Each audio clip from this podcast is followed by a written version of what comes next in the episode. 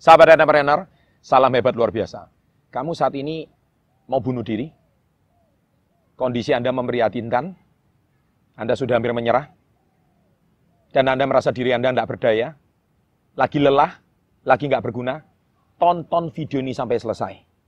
Karena video ini akan menjelaskan tiga kondisi ekstrim yang bisa mengubah hidup Anda.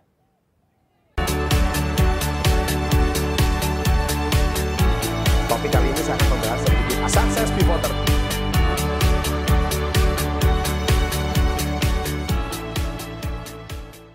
Apakah kamu merasa diri kamu paling malang?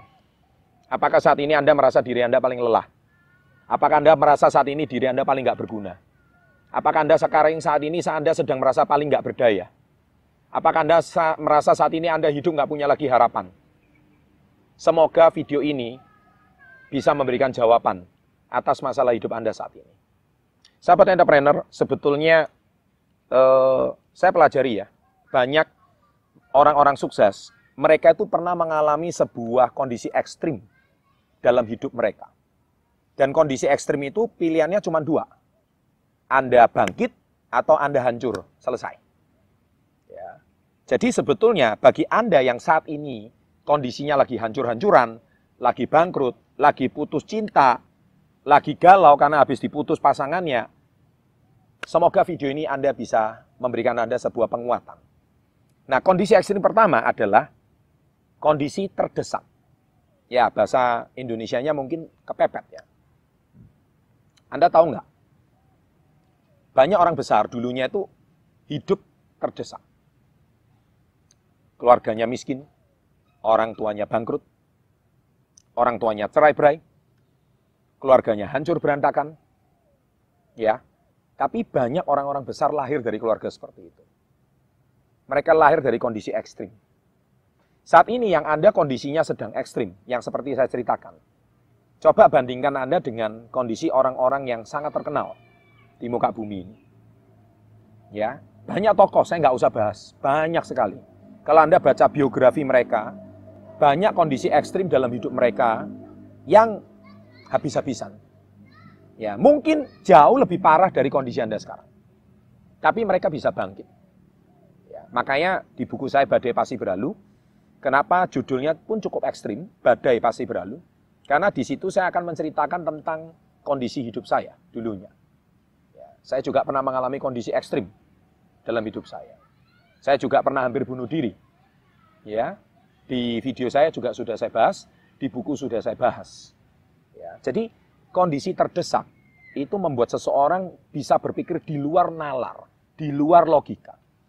Manusia tidak akan bertumbuh dan maju di dalam kondisi nyaman. Saya ulangi sekali lagi. Manusia tidak akan bertumbuh dan maju dalam kondisi nyaman. Tidak akan. Manusia bisa maju dan berkembang dalam kondisi tidak nyaman.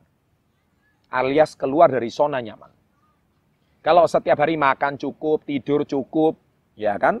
Kemudian orang tua menghidupi Anda, punya rumah, punya mobil, punya segalanya, trust me, memang hidup Anda nyaman, tapi Anda tidak dapat belajar apa-apa. Ya, Anda tidak belajar apa-apa, Anda kondisi Anda semuanya baik-baik saja, kondisi ekstrim uh, tidak terjadi dalam hidup Anda. Ya kalau misalkan kondisi Anda saat ini baik-baik saja ya syukurilah. Ya saya tidak harus mengatakan kondisi Anda harus jadi ekstrim gitu untuk Anda belajar sesuatu. Tetapi saya beritahu kalau Anda saat ini sedang dalam kondisi ekstrim, bersyukurlah. Karena bisa jadi ini adalah titik balik. Your turning point in your life. Ini adalah titik baik, titik balik dalam hidup Anda.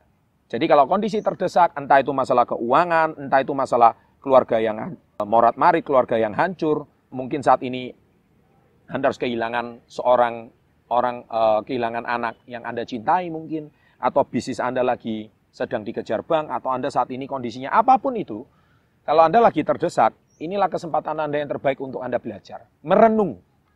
Ya, merenungi apa kesalahan Anda selama ini.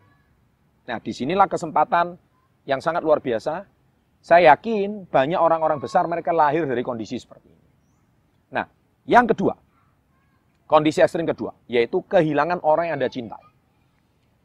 Mungkin saat ini Anda menyayangi ayah Anda atau menyayangi ibu Anda, atau Anda saat ini juga mencintai anak Anda, mencintai pasangan Anda. Tapi karena kondisi ekstrim, memaksakan Anda harus kehilangan mereka. Entah itu karena kematian, entah itu karena berpisah karena sebab apa pun, saya nggak tahu. Tetapi intinya Anda harus kehilangan orang yang Anda cintai. Anda harus berpisah dengan mereka. Anda mungkin merasakan kesedihan yang sangat mendalam. Anda merasakan sebuah kondisi yang sangat terpukul, hancur, secara mental, secara fisik. Anda mungkin tidak mau makan mungkin saat ini. Anda mungkin tidak bernafsu makan. Anda mungkin sudah tidak punya nafsu untuk hidup mungkin. Nah, kondisi seperti ini, kehilangan seperti ini, ini sering kali membuat orang akhirnya menjadi depresi. Ya, membuat membuat orang menjadi mengalami fase hidup yang belum pernah Anda alami sebelumnya kondisi yang belum pernah Anda alami. Saya masih ingat waktu SD, saya punya seorang teman, dia anak pengusaha kaya raya. Setiap hari ada sopir yang nganter dia ke sekolah, ada mobil berjejer, tapi dalam kondisi singkat ayahnya meninggal, dan semua bisnis ayahnya hancur, dan akhirnya dia ke sekolah, naik becak pun tidak punya uang. Kondisi ekstrim itulah yang memaksa dia keluar dari kenyamanannya. Kondisi ekstrim itulah yang membuat dia terdesak dari kondisinya.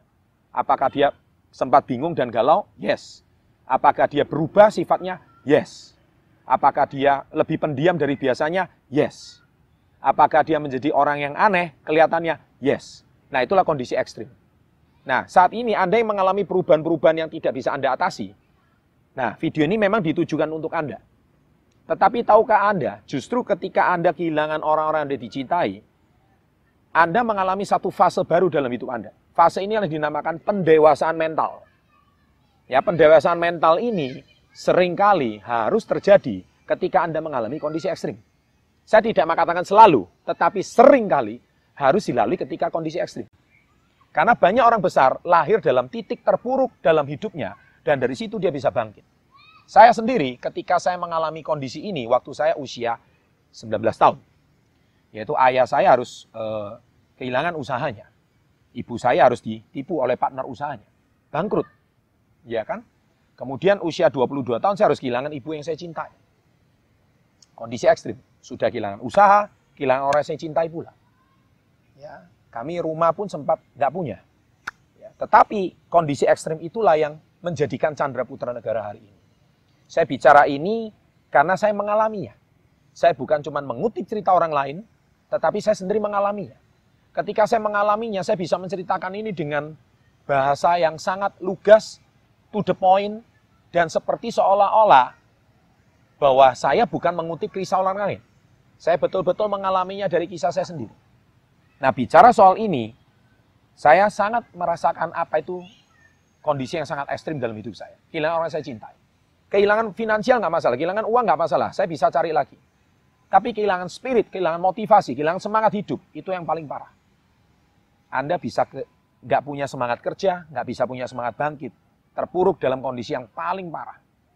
Nah, tetapi justru peristiwa itulah yang mengubah hidup saya. Kondisi itulah yang mengubah hidup saya sampai hari ini. Saya bangkit, dalam waktu tiga tahun setengah saya bisa mengatasi itu semua. Nah, kisah lengkapnya di buku Badai Pasti Berlalu. Nah, kondisi ekstrim ketiga yaitu mengalami kecacatan fisik mungkin. Sahabat entrepreneur, saya punya sahabat, seorang motivator hebat dari Australia, namanya Nick Fujikich. Tahukah Anda, dia seorang pengusaha sukses, seorang pengusaha properti, seorang motivator, dan seseorang yang menginspirasi dunia. Bukunya juga menjadi bestseller. Nick Fujikich dilahirkan dengan kondisi tidak punya tangan dan tidak punya kaki. Terus terang, saya juga bingung kenapa orang tuanya, orang tua mana sih yang pengen anak lahir cacat? Anda kalau punya anak cacat mau nggak sih? Nggak mau kan?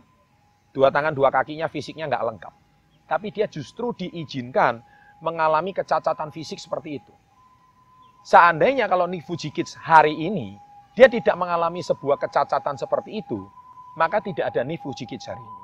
Justru Nick Fujikits mengalami kecacatan fisik seperti ini, kondisi ekstrim seperti ini, menjadikan dia menjadi orang besar saat ini. Contoh kedua dari Indonesia. Anda tahu Bapak Hendra Wijaya. Hendra Wijaya ini adalah seorang pelari ultra run pertama di Indonesia Ultraran ini berlari ratusan kilometer dan yang hebatnya dia pernah berlari di kutub utara. Itu kondisi sangat ekstrim, sangat minus, sangat dingin sekali di suhu di bawah 0 derajat Celcius. Tetapi Bapak Hendra Wijaya sebelum jadi pelari ultraran dan pengusaha sukses hari ini, tahukah Anda dia pernah mengalami yang namanya kelumpuhan. Nah, kelumpuhan itu tidak me mengganggu cacatnya hidup mereka, tetapi kelumpuhan itu yang menghancurkan hidup mereka. Nah, itulah sebabnya hari ini uh, Bapak Endra Wijaya mengalami suatu hal yang sangat luar biasa. Nah, sahabat entrepreneur, saya hari ini ingin sharing sesuatu hal bahwa kalau Anda ingin sukses, kalau terjadi kondisi ekstrim, Anda jangan pernah menyerah. Dan Anda pasti bisa menjadi orang yang luar biasa. Semoga Anda dikuatkan melalui kondisi ini, dan semoga Anda menjadi luar biasa setelah peristiwa hari ini. Saya yakin kondisi ekstrim ini bisa mengubah hidup Anda. Jangan terpuruk, jangan galau, jangan merasa hancur. Anda harus bisa bangkit. Semoga ini adalah titik awal kebangkitan hidup Anda. Sahabat entrepreneur, saya doakan masalah Anda selalu berlalu, badai pasti berlalu. Berikan komentar dan like Anda, share, berbagi pada teman-teman Anda. Jangan lupa subscribe, lonceng diaktifkan, dua video di sini ditonton untuk berbagi kesempatan pada hidup Anda. Sukses untuk Anda, salam hebat, luar biasa.